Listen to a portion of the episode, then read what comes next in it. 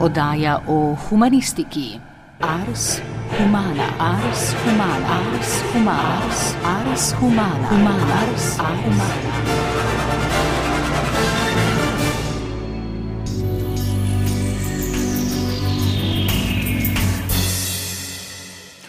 Univerzitetna profesorica dr. Alma Sodnik, ki je živela med letoma 1896 in 1965, je bila prva dekanja Ljubljanske filozofske fakultete. Še prej pa prva redna profesorica na oddelku za filozofijo te iste fakultete. Njeno pedagoško in raziskovalno delo je neprecenljivo, saj je bila prva pri nas, ki se je sistematično ukvarjala z zgodovino filozofije. Pisala je o Platonu, Epikurju, Descartu in drugih. Skratka, pustila je močan pečat v našem prostoru. Več o njej pa v pogovoru, ki sledi z menoj sta profesorica dr. Olga Markič, filozofinja in urednica zbornika Alma Sodnik in njeno filozofsko delo, lepo pozdravljeni. In Helena Kodr, scenaristka in režiserka dokumentarnih filmov ter žena Alminega nečaka Urbana Kodra. Lep pozdrav. Lepo pozdravljeni. Pogovor bom vodil Gregor Podlogar in za začetek tega pogovora Alma Sodnik v širši javnosti še danes ni prav zares poznana. Kakšna je njena življenjska zgodba, kdo je pravzaprav bila Alma Sodnik? Pa bi morda vi začeli, Elena Kodr, prosim. Alma Sodnik je bila, ko sem jo jaz spoznala, že ravno v pokoju, ampak uživala je velik ugled. Neverjetno velik ugled, jaz jo seveda nisem pojma imela, kdo je to, ampak name je takoj naredila prav mogočen vtis. Ne?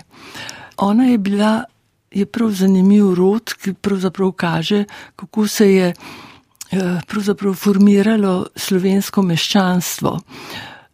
Po mamini strani, mama Ana Zupanec, je bila potomka polskih beguncev.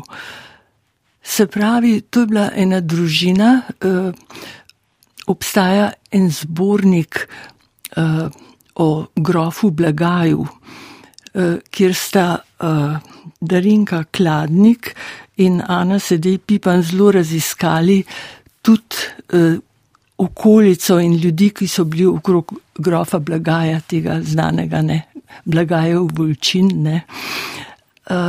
In tako da na podlagi tega vem te podatke. Se pravi, en pra, pra, pra ded od Alme Sodnik je moral zapustiti Poljsko, zato ker je bila takrat ena vstaja, je bil med uporniki in takrat so Poljsko razdelili med Rusijo in Nemčijo. No, in uh, ti ljudje so morali bežati. Uh, bil je zdravnik in je pribežal najprej na Moravsko, uh, tam je potem že njegov sin. Ker zgleda, da je bil to en rod zdravnikov, je njegov sin uh, pregnal kugo, in zaradi tega bil povzdignen v pisemski plemiški stan, ki se podeduje po moških potomcih. No, in njegov sin, sin ali vnuk, to niti ne vem, je pa potem v preširnem času prišel v Ljubljano. Se spet tam zelo izkazal kot zdravnik, ki je pa okoli polhovega gradca eh, izbruhnila kolera in tako ga je grof Blagaj eh, povabil v Povhov gradec, ga zaposlil kot svojega zdravnika, pa zdravnika okolice, se z njim spoprijateljil. Uh, no, in temu zdravniku se je rodila Almina mama. Po očetovi plati je pa to en zelo trden rod iz Sevške doline, z Martin vrha. Tam je pa spet v preširnovem času, to se pravi ta prastric je bil rojen uh, leta 1815, uh, je šel na Dunaj študirati pravo. In je tako kot preširen z odliko pač končal, in potem bil zelo uspešen notar, ustvaril veliko premoženje, tudi podpiral literaturo, podpiral, bil mecen pravzaprav. In on je k sebi, ker ni bil poročen, vzel svoje rodne kmetije od brata, sina pa hčerko, to se pravi svoja nečaka, v Ljubljano, da ju izšola, oba je imel na meni šolati. No, in tega eh, fanta, urbana zupanca, je on eh, pač eh, dal šola tudi isto merovo. Gospodarsko šolo, oziroma eh, ekonomsko no, šolo, in eh, skratka, on je eh, kar tudi uspel nekako, oziroma tle je bilo tudi stričevo premoženje, ne, in eh, se je seznanil z Ano Branke. Ne? Branke se je potem pisala uh, ta mama od Alme. Uh, sta se seznanila, ona je bila tudi precej izobražena in tako, uh, tako je bil sklenjen ta zakon in ona dva sta imela tri hčere, Anico, slikarko Anico Zupanc, Almo in mamo od mojega moža Elko, ki je bila pa pianistka. No. To je, upam, da je dosti pregledno, ker je mal tako daleč seženo vse skupaj. Doktorica Olga Markič, morda ob tem podu vprašanje, kako je potekala njena študijska pot. Vemo, da se je izobraževala tudi zunaj Slovenije. Ja, um, Alma je končala eh, klasično gimnazijo s tem, da uh, ni ni mogla hoditi ne, na to gimnazijo, ker to takrat ni bilo, ampak je naredila pač izpite. Uh, potem pa je bila med prvimi, ki so se upisali na filozofsko fakulteto, uh, pač po uh, propadu Avstro-Ogrske in no, v Jugoslaviji se je uh, leta 19 ustanovila Univerza v Ljubljani, filozofska fakulteta med prvimi in ona je bila potem tudi med prvimi študenti, ki so zaključili študij filozofije. Uh, bila je učenka, to je bilo leta 23, je končala uh, zagovor uh, doktorata. Bila je učenka Webra, France Weber je bil ustanovitelj, tako rečemo, oddelka za filozofijo na Ljubljanski univerzi, na filozofski fakulteti. Do pač konca, do konca druge svetovne vojne je končalo 20-23 doktorantov, med njimi sta bili samo dve ženski, ena prva je bila Alma Sodnik. Eh, bila je odlična študentka in uh, tako je potem postala tudi demonstratorka in asistentka. Uh, odšla je na uh, izobraževanje na Dunaj, uh, kjer je potem tudi uh, napisala, le, lahko rečemo, monumentalno delo raz, Zgodovinski razvoj estetskih problemov.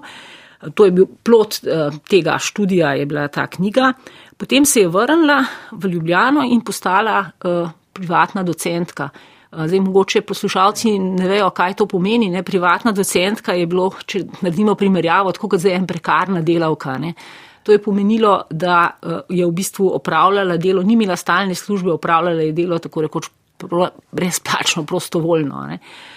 In kar je bilo pač takrat, ko se je potem lahko izkazuje, če pogledamo tudi drugot po Jugoslaviji in Evropi, je bilo to kar, ne, kar pogost primer in večino ne, tega je to doletelo ženske. Ne. Tako da, seveda so bili tudi drugi, ampak ženske so imele še posebej težavn položaj, kar se tega tiče.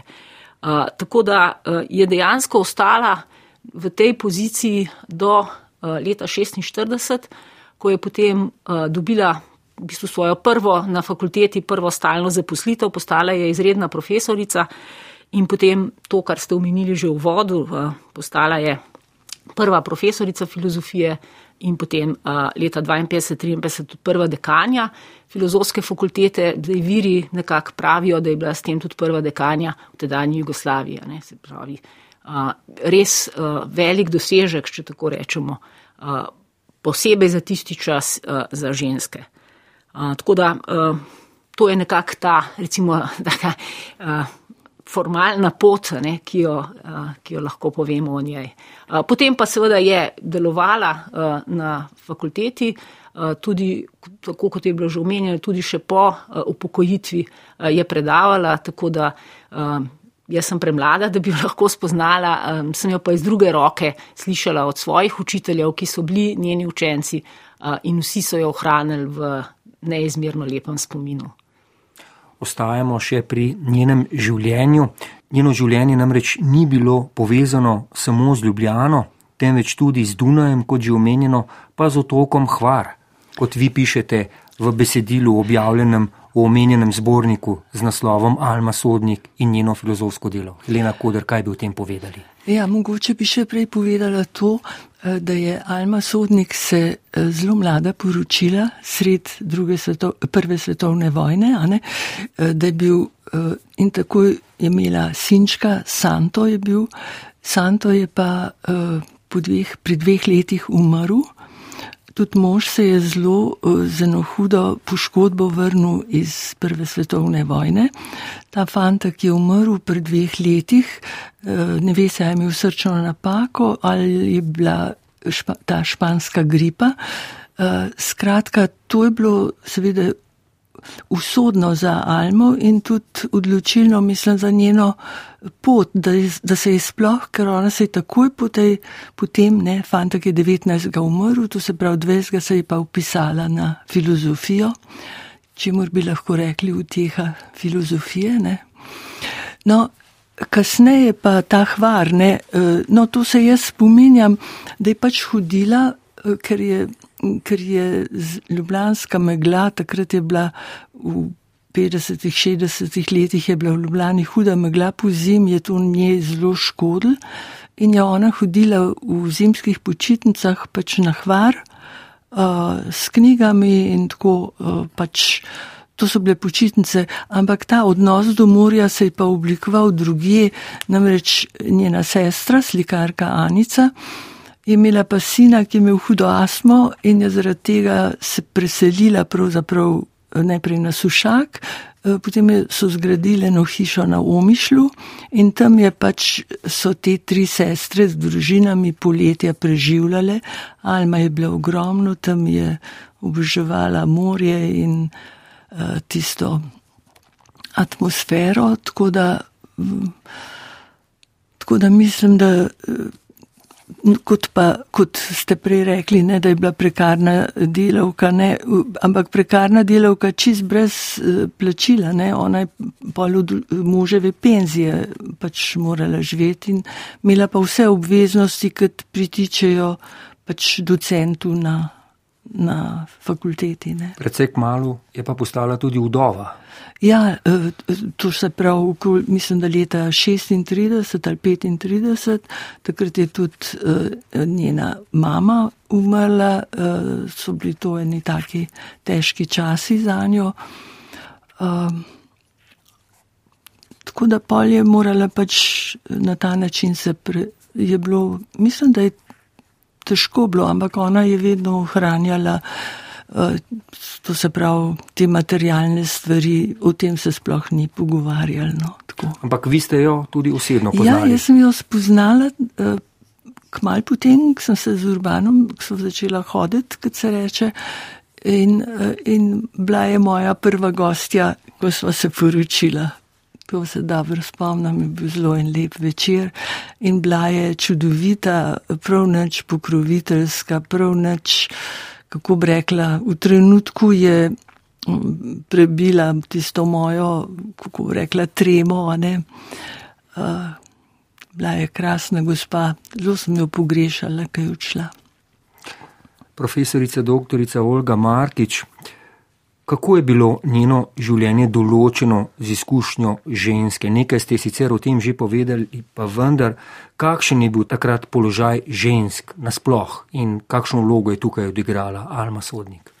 Ja, eh, zanimivo je, ne, da Alma Sodnik je zelo kmalo, že leta 24, napisala eno tako kratko delo Smernice za vzgojo deklet, eh, v katerem je nekatera svoja ta eh, poglede na, na ženske izrazila.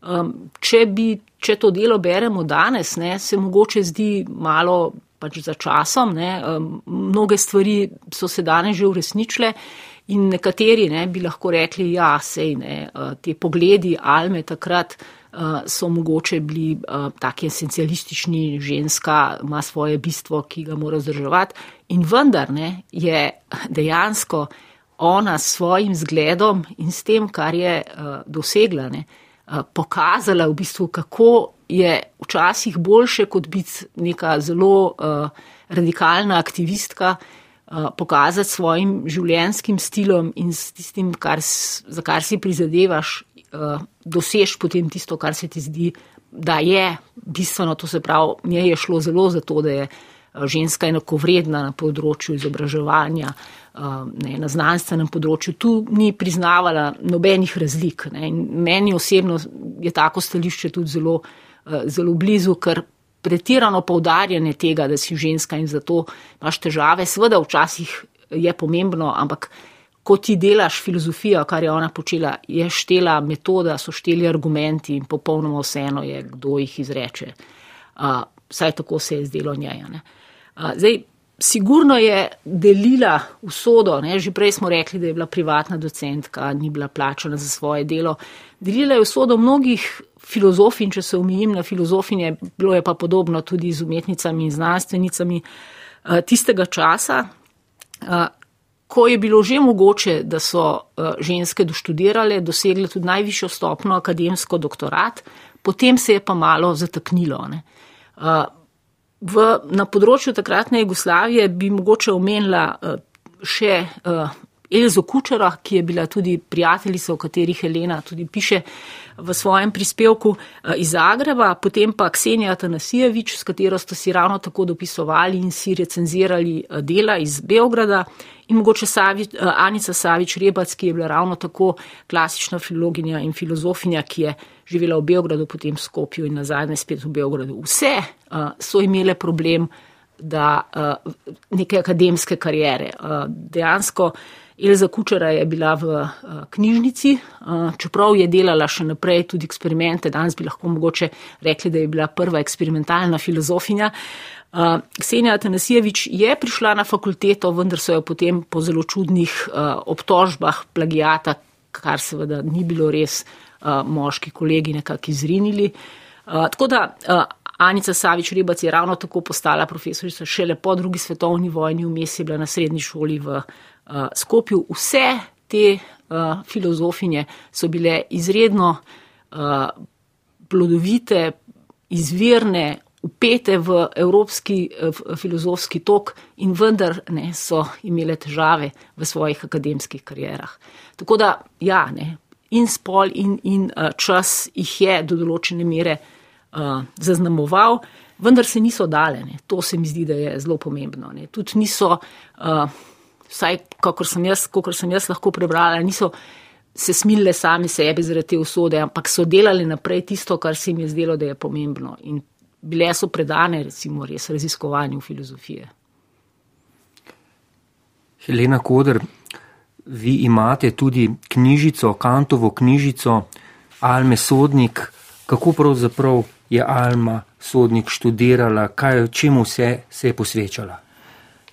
Ja, o tem vem je zelo malo, ampak to knjižico, dve razpravi, eh, od katerih je posebno pomembna razmišljanja o čustvu lepega in vzvišenega. Eh, to knjižico je Alma podarila mojemu možu, ki je bil še pravzaprav otrok, ker se vidi potem, ko je napisal, da je lastnik te knjige še skoraj z otroško pisavo.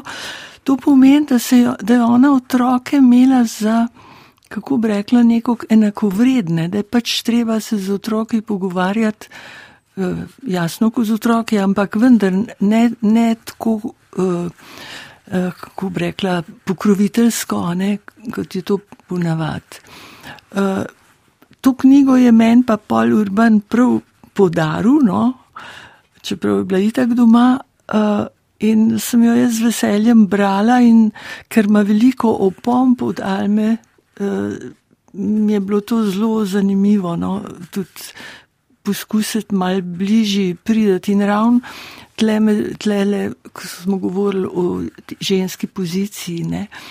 Eh, je zelo zanimivo, kako je ona na, na fin način znala uh, tudi kantu oporekati, kadar je, kadar ko piše tudi o ženskah, kakšne so in tako naprej, in jih mečken, uh, da so pač že od narave ven take, kot so, uh, je Alma to popravila, da je to pač v zvezi s pričakovanjem družbe, o tem, kako se bojo ženske obnašale. Tako na en zelo fin način. In če še dodam prej k temu, kar je Ulča rekla, uh, nikdar jo jaz nisem slišala pojamrati, da je kot ženska pa kaj bila prekrajšana ali pa kaj tacga, da bi kaj jadikovala ali kaj tacga. Mislim, in tudi mislim, da po svoji tej kako, je, kako je ravnala, uh, kako je nastopala. Mislim, da je odločno vedno povedala na tanko tisto, kar je želela povedati. In sem našla eno uh, tole. V tem zborniku eh, zelo lepo je Vladimir Bartol eh, napisal, ne, da je bila Alma, ker Vladimir Bartol je bil njen kolega v seminarju, ne, da je Alma ideal ženske vedno stremeče k iskanju čiste resnice. In to se mi zdi, da je ona bila nezmožna se zlagati. No, mislim, saj ne učim takem pomembnem. Ne. Uh, Profesorica Olga Markič kako pomembno je bilo pa njeno pedagoško delo. Tudi o tem ste že nekaj povedali, pa vendar znano je, da so mnogi slovenski filozofi študirali prav pri njej. Ja, uh, kot omenjeno, ne, je po drugi svetovni vojni France Weber, ki je bil do takrat nekako vodilni uh, filozof na oddelku za filozofijo, uh, pač so ga odstranili in Alma sodnik je v bistvu nekako držala v rokah, če tako lahko rečemo, eh, ne, eh, je bila je duša tega oddelka.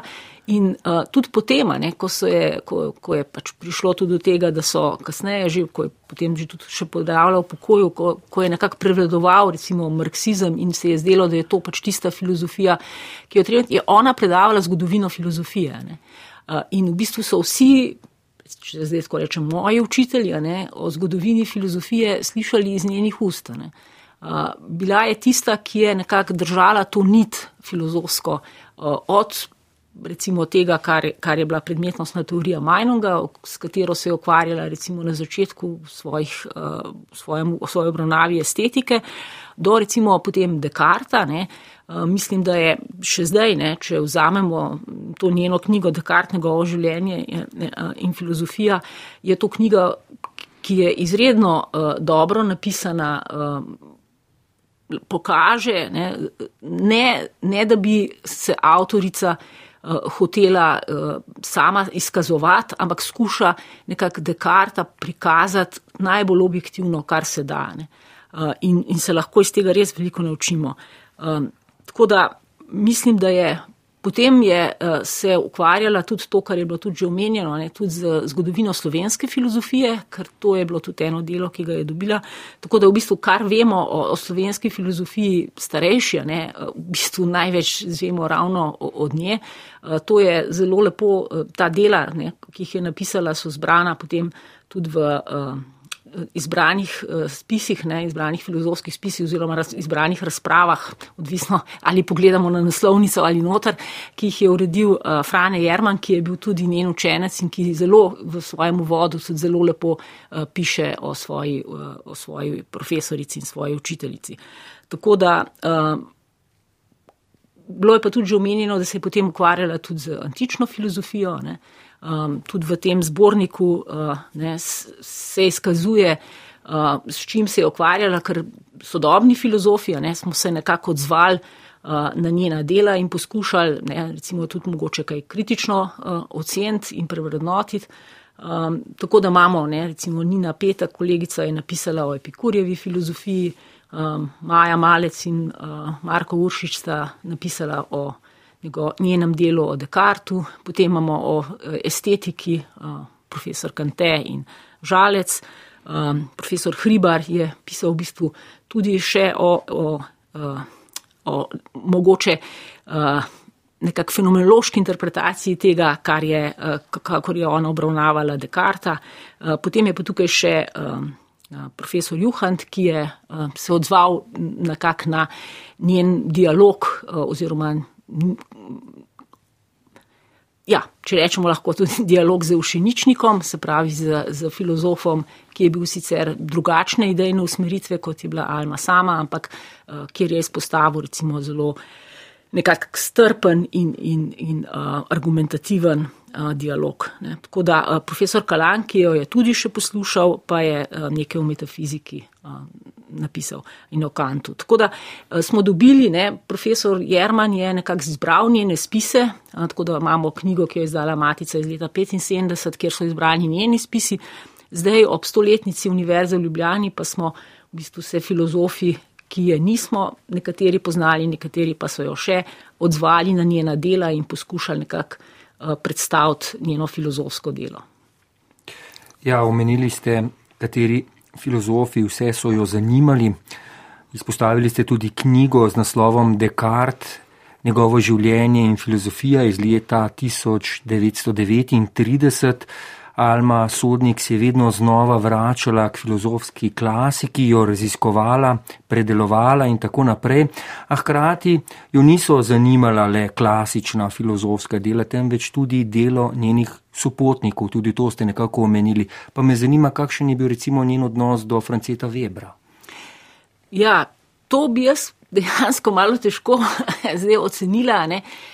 Zato, ker vsaj na začetku je bila gotovo pod njegovim vplivom. Ne? Uh, predmetnostna teorija, ki je uh, teorija Majnonga, uh, ki jo je nadaljeval tudi Weber, uh, je bila nedvomno na začetku uh, tist horizont, v okviru katerega se je gibala. Uh, vendar njena metoda, ne, ki jo je želela nekako izpostaviti, to je bila um, idejni razvoj filozofskih problemov skozi zgodovino, ki je uh, jo nekako skušala implementirati v tej svoji knjigi Zgodovinski razvoj estetskih problemov, pa kaže na to, da je, da je hotela iti tudi preko tega, ne, ne pogledati samo, ne, ne ostati znotraj ene šole, ne, a, a, tudi Webrove, ampak pogledati, kako se je skozi zgodovino so se problemi razvijali, kjer ni zdaj, da smo nekje prišli do, do, do tistega viška, ki ga moramo sprejeti. Ne. Zdaj, kako je šlo pa naprej, kakšen je bil njun odnos, tudi v drugi stvari pa dejansko težko, težko ocenimo.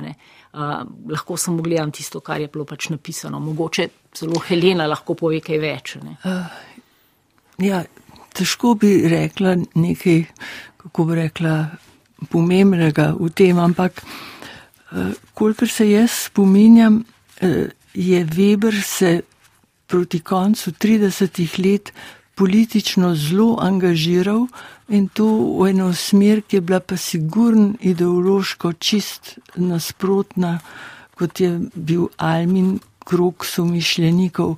Ona je bila končen med ustanovitelji sodobnosti, revije Sodobnost, to je bila uh, liberalna revija oziroma v tem, v tem smislu, ne, ne v tem ekonomskem smislu, ampak svobodomiselna, svobodomiselna revija. In tle je bila ona zelo angažirana in tako kot sem jaz iz raznih opask uh, mame od mojega moža uh, tako lahko presodila, no, eh, pač eh, se ona z Webrovim ravnanjem, eh, pač političnim, nikakor ni strinjala in kukor se meni zdi, je bil pravzaprav Weber tudi zaradi tega nekog v nemilosti po drugi svetovni vojni, da je bilo to, ne. Medtem, ko Alma pa seveda Almo so v bistvu potrebovali na filozofski fakulteti, ker je bila edina, eh,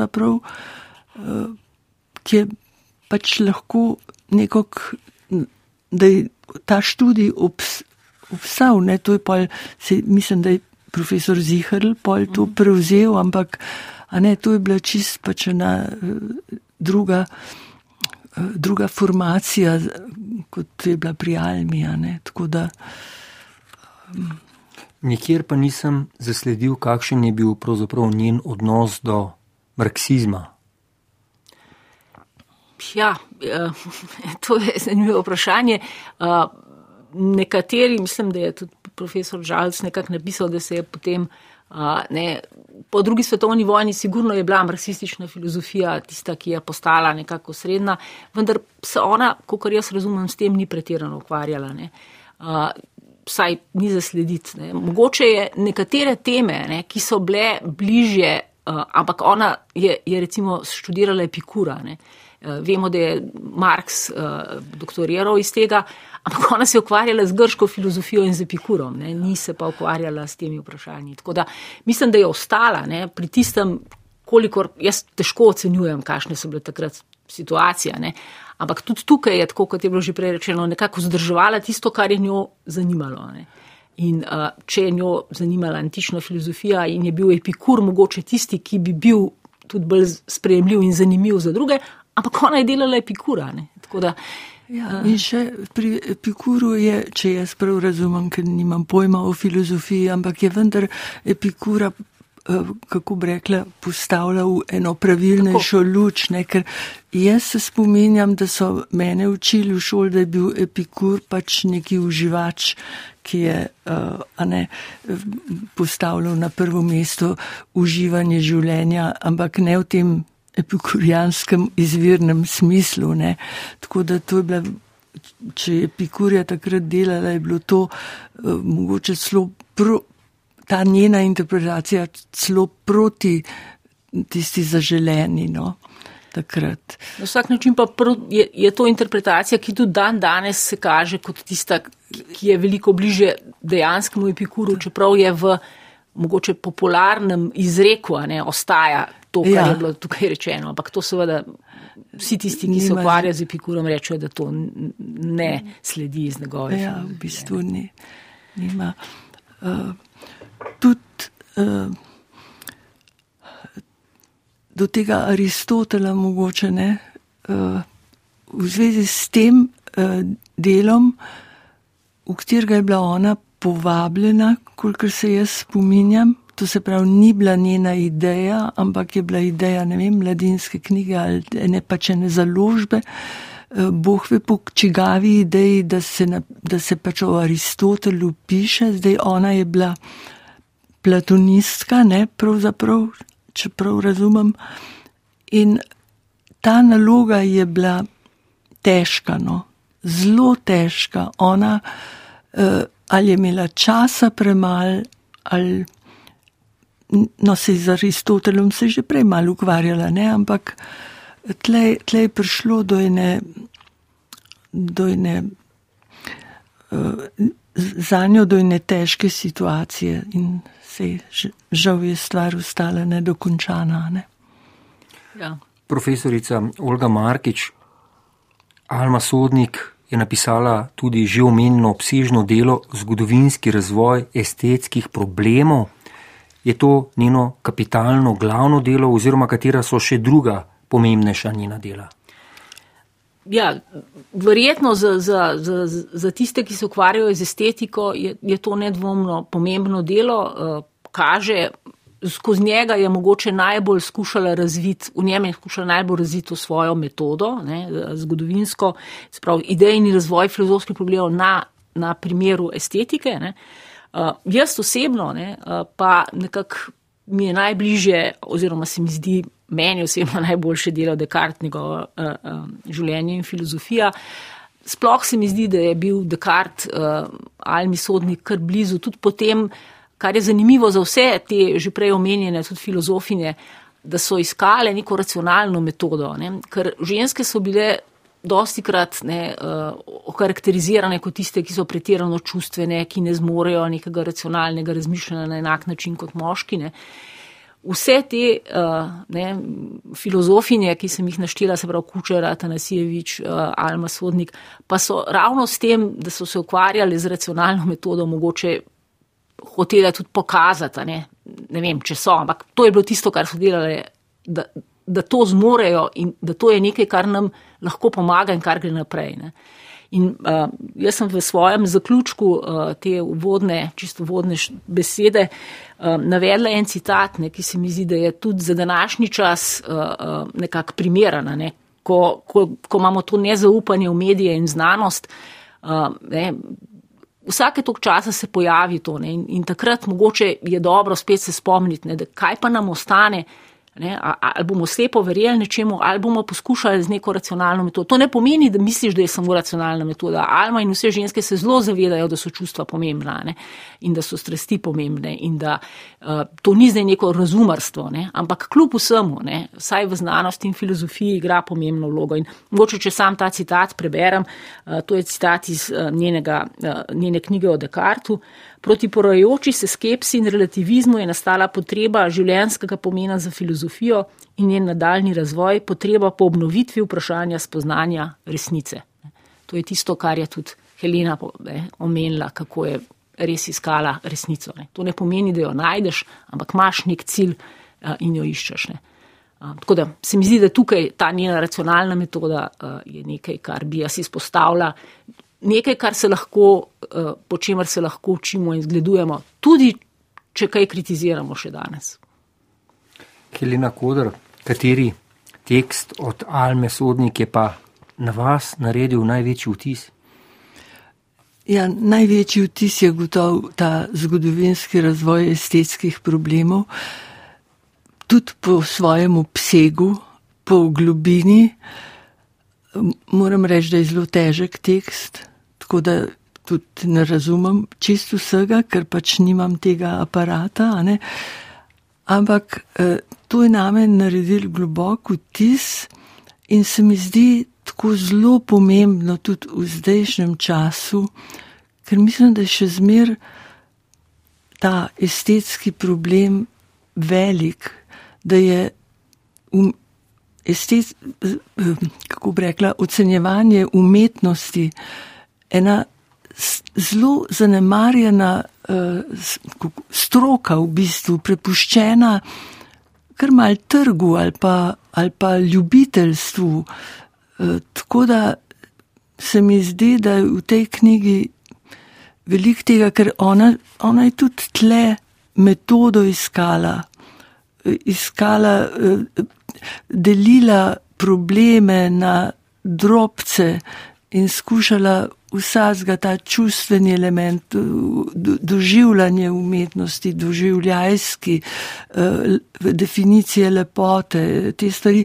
Ona, ona se je s tem zelo eh, poglobljeno ukvarjala in, in eh, to je name naredil ogromen vtis, seveda lažje so pa mi zabrati te ravno ta v Epikurju, recimo, tam je zelo ljuba in tako. Uh, sicer, pa, sicer mi pa ostaja en tak, uh, en tak zgled Alma, no, uh, ki bi ga želela vsakomu, da ima, da, vsakmu človeku, da ima kakšen tak zgled. Ja, s tem ste me napeljali k zadnjemu vprašanju, bližamo se namreč koncu pogovora o Almi Sodnik, po čem se jo boste vi najbolj spominjali, oziroma kakšen pečat je po vašem prepričanju pustila v našem kulturnem prostoru? Helena Kodar. To je pa kar težko vprašanje. Uh, jaz se trudim govoriti o Almi sodnik, uh, zato ker, uh, ker ni, kako bi rekla, ta njen pečat ni ovrednoten, in niti ni tako prezenten, ampak jaz mislim, da je skozi generacije študentov filozofije pa še vedno živ.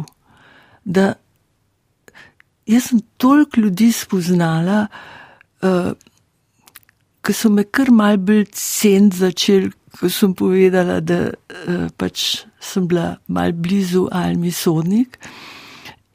In uh, Tako da se mi zdi, da je, a veste, so ti vplivi, ki jih neki ljudi pustijo, ljudje pustijo, so, kako bi rekla, razpršeni, ne, ne, jih ne znamo definirati, niso nikjer zabeleženi.